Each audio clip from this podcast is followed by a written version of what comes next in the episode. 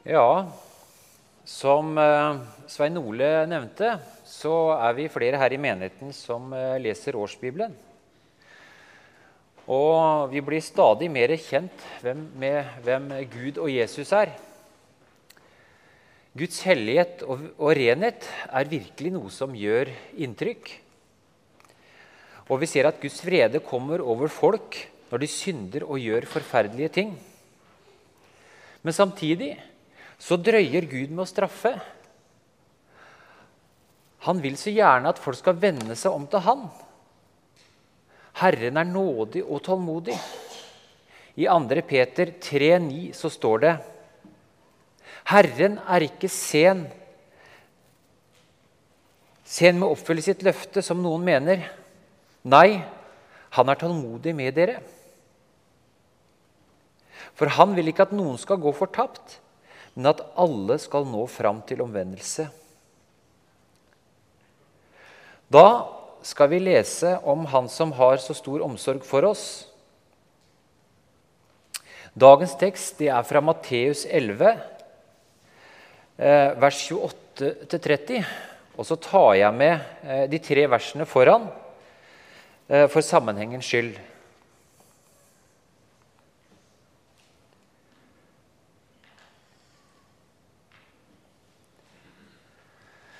På den tid tok Jesus til orde og sa, Jeg priser deg, Far, himmelens og jordens Herre, fordi du har skjult dette for vise og forstandig, men åpenbart det for de umyndige små. Ja, Far, for dette var din gode vilje. Alt har min far overgitt til meg. Ingen kjenner Sønnen unntatt Faderen, og ingen kjenner Faderen unntatt Sønnen, og den som Sønnen vil åpenbare det for.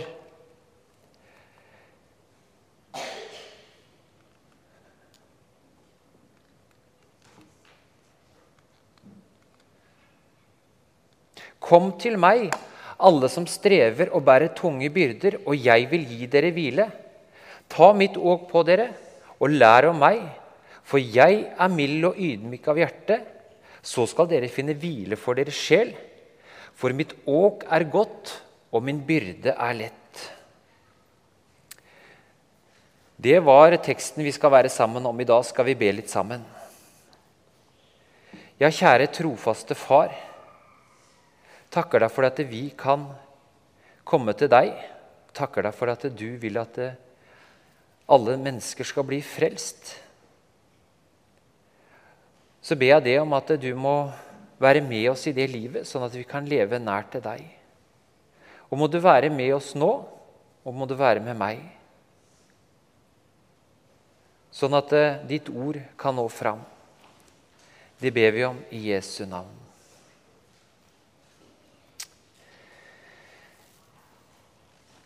Vise og forstandige det ble brukt som en hedersbetegnelse på de religiøse lederne. Og på Jesu tid så ble fariseerne og de skriftlærde kalt vise. De mente å ha forstått Guds åpenbaring, men det hadde de ikke. Det er ingen tvil om at Jesu, åpenbar, Jesu lovprisning har en brodd mot fariseerne og de skriftlærde. De var blitt Jesu hovedmotstandere. Jesu ord har ikke brodd mot kunnskap og utdannelse i seg selv, men mot en kunnskap som fører til selvgodhet og selvtilstrekkelighet, slik at de ikke får bruk for Jesus. At de umyndige nevnes som mer privilegerte enn de vise og forstandige, det betyr ikke at god forstand er en hindring for gudsåpenbaringen. Men Jesu ord virker paradoksale. Frelsesåpenbaringen er gitt til de umyndige små. Og Paulus han uttrykker en lignende tanke i 1. Korinterbrev 1,27. Men det som i verdens øyne er dårskap, det utvalgte Gud for å gjøre det vise til skamme. Og det som i verdens øyne er svakt, Det utvalgte Gud for å gjøre det sterke til skamme. I dag som den gang er det mange som setter sin forstand høyere enn Guds åpenbarte ord. Men evangeliet det er et godt budskap til alle. Både til de høylærde og intellektuelle og til de ulærde.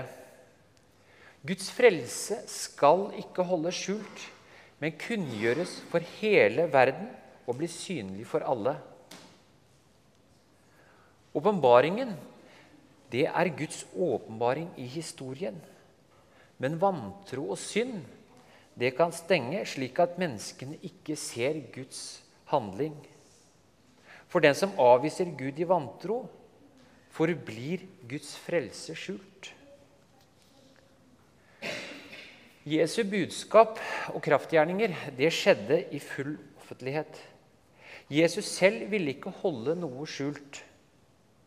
Men hans gjerninger inneholdt et anstøt som måtte overvinnes. Ikke alle forsto, eller ville forstå, forstå at han var Guds åpenbaring og løftenes oppfyllelse. Vers 27 i dagens tekst. Alt har min far overgitt til meg.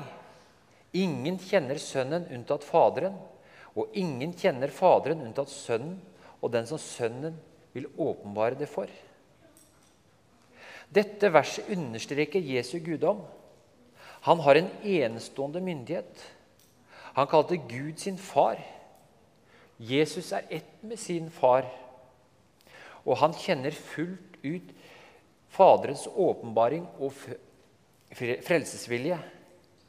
Jesus er den eneste som ikke bare kjenner Faderens hjerte, men som også kan åpne veien for menneskene. Han er himmelens og jordens herre. Han er skaper og oppholder av hele universet og herre over tid og historie. Han skal en gang komme tilbake og holde dom.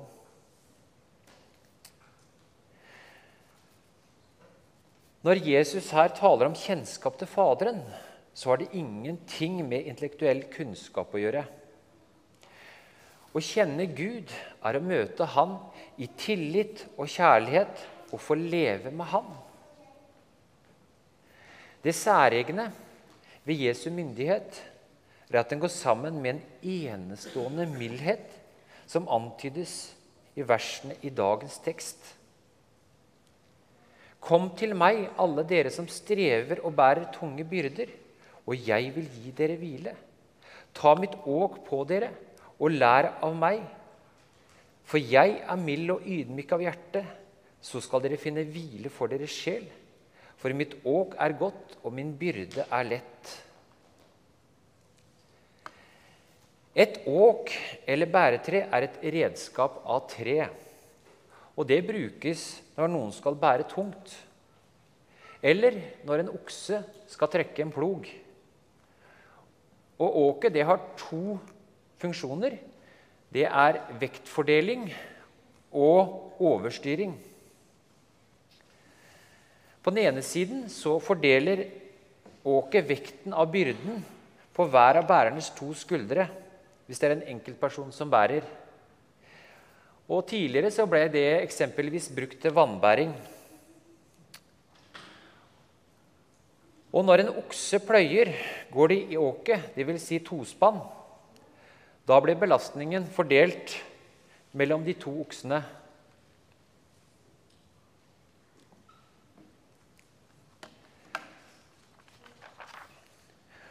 Og åkets vektfordelende funksjon handler egentlig om å lette byrdene ved å fordele dem.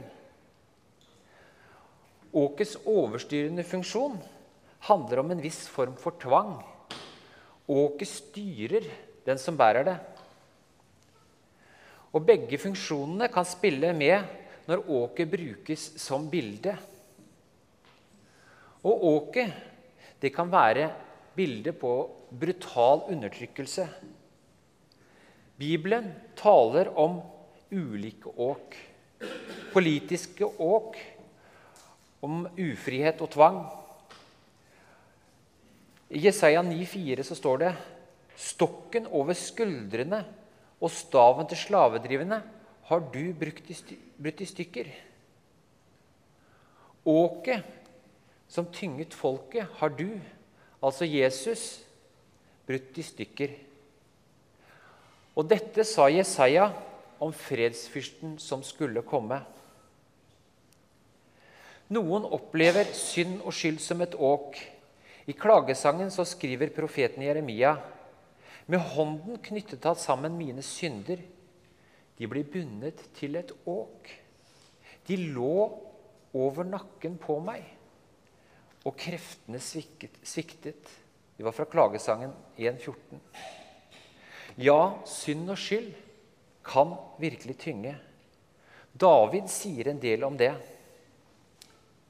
Jødene brukte uttrykket 'åk' om å underkaste seg. De snakket om lovens åk, himmelrikets åk, Guds åk. Og I dagens tekst taler Jesus om sitt åk. Det er disiplenes åk. Ta, gå, gå, vent litt med det bildet der. Det er annerledes. For mitt åk er godt, og min byrde er lett. Vi går i tospann med Jesus. Kom til meg, alle dere som strever og bærer tunge byrder, og jeg vil gi dere hvile. hvile. Den store innbydelsen til alle som strever, det er gode ord. Og Vi kan tenke på livets bilder generelt, men i denne teksten er det nærliggende å tenke på de byrder som loven og lovtolkningene la på menneskene. Det var jo jødene han snakka til. Skal vi prøve å få fram det der bildet med syndebøra? Det, ja. Jødene slet under tunge byrder av religiøse forpliktelser som lærerne, fariseerne og de skriftlærde hadde lagt på dem. Og Jesus han ønska å gi dem hvile fra disse byrdene. For jødene så var religionen en rekke regler og forskrifter som eh, dikterte hver eneste handling i livet. Du skal, du skal ikke. Livet, det var strevsomt. Jesus advarer mot fariseerne og de skriftlærde. Han sier de bærer tunge byrder som ikke er til å bære og legger dem på skuldrene til folket, men selv vil de ikke løfte en finger for å flytte dem. Det var fra Matteas 24, 3. Og Peter, han kaller loven et åk. Hvorfor utfordrer dere da Gud og legger på disiplenes nakke et åk som verken våre fedre eller vi har maktet å bære? Nei, vi tror at vi blir frelst av Herren Jesu nåde, vi på samme måte som de. Det var apostelgjerningene 15.10. Kom til, til meg, sier han som har all makt. Dette løftet gjelder alle mennesker. Vi opplever til tider ting som er tungt å bære. Og alle kan komme til Jesus og legge byrdene hos ham. Det er mange slags byrder og bekymringer. Det kan være byrder for bekymringer for naturkatastrofer, bekymring for helse. Kanskje vi lurer på om pengene skal strekke til i dag. Kanskje vi er bekymra for den verden som våre barn skal vokse opp i. Og noen har byrder med sorg over de som de har mista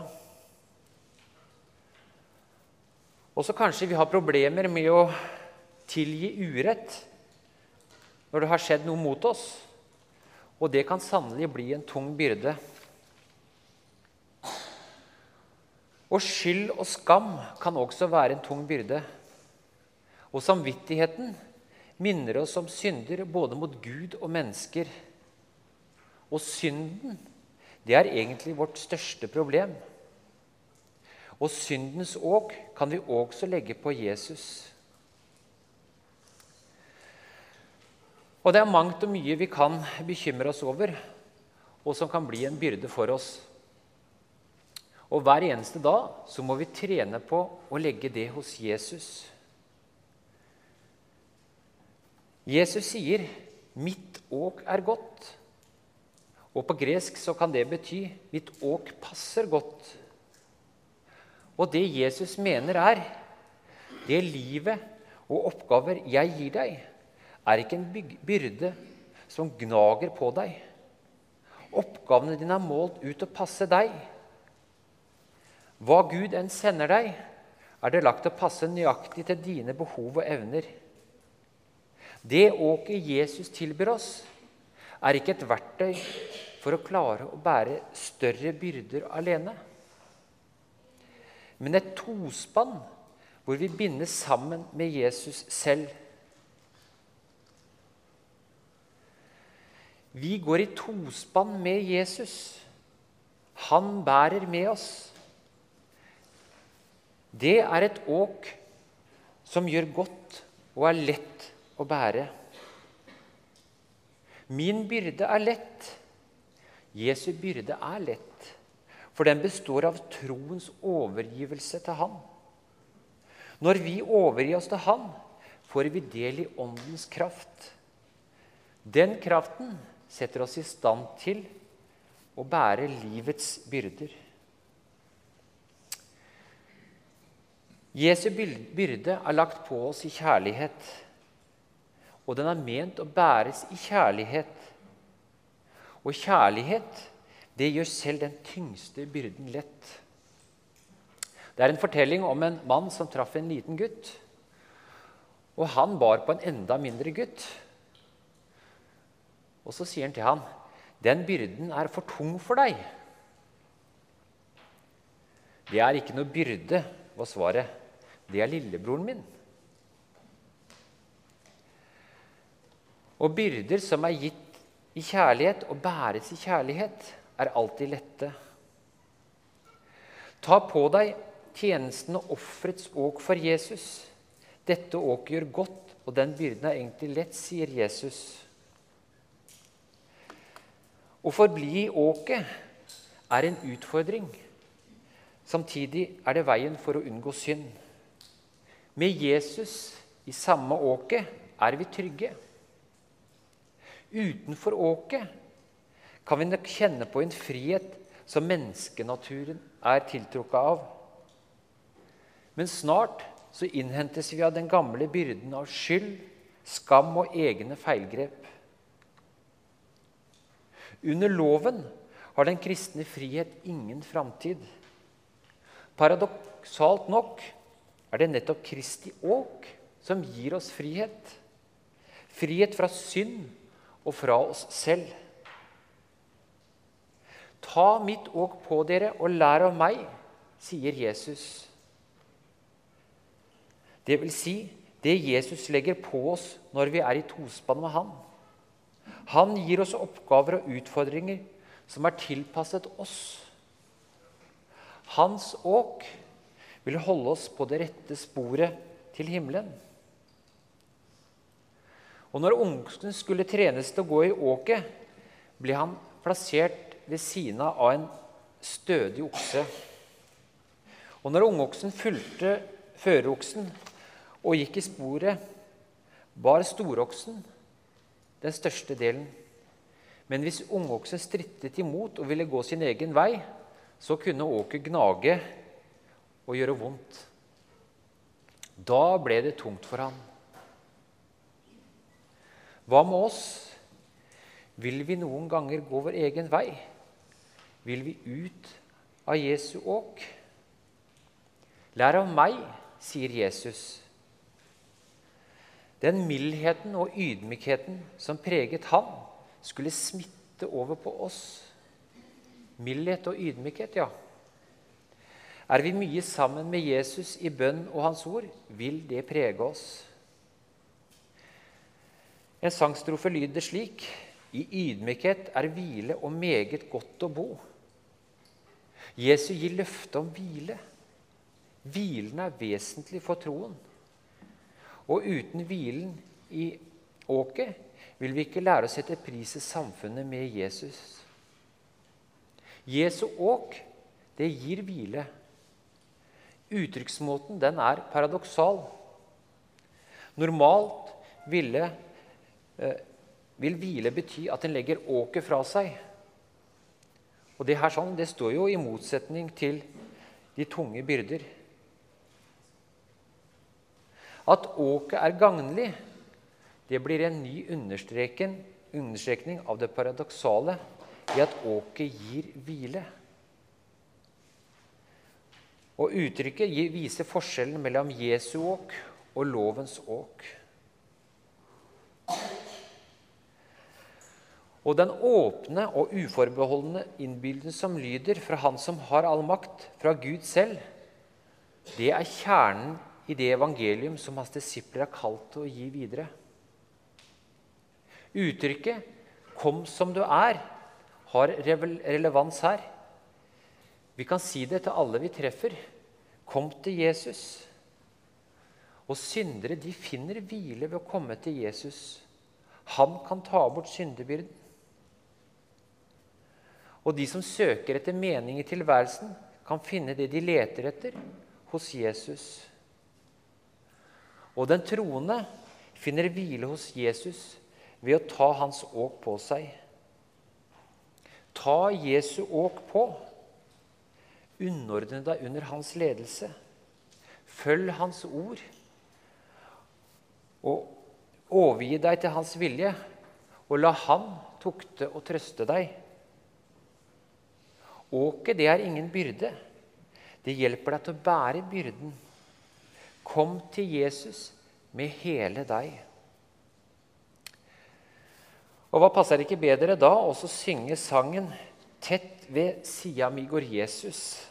Alltid vil han være der. Da synger vi sammen.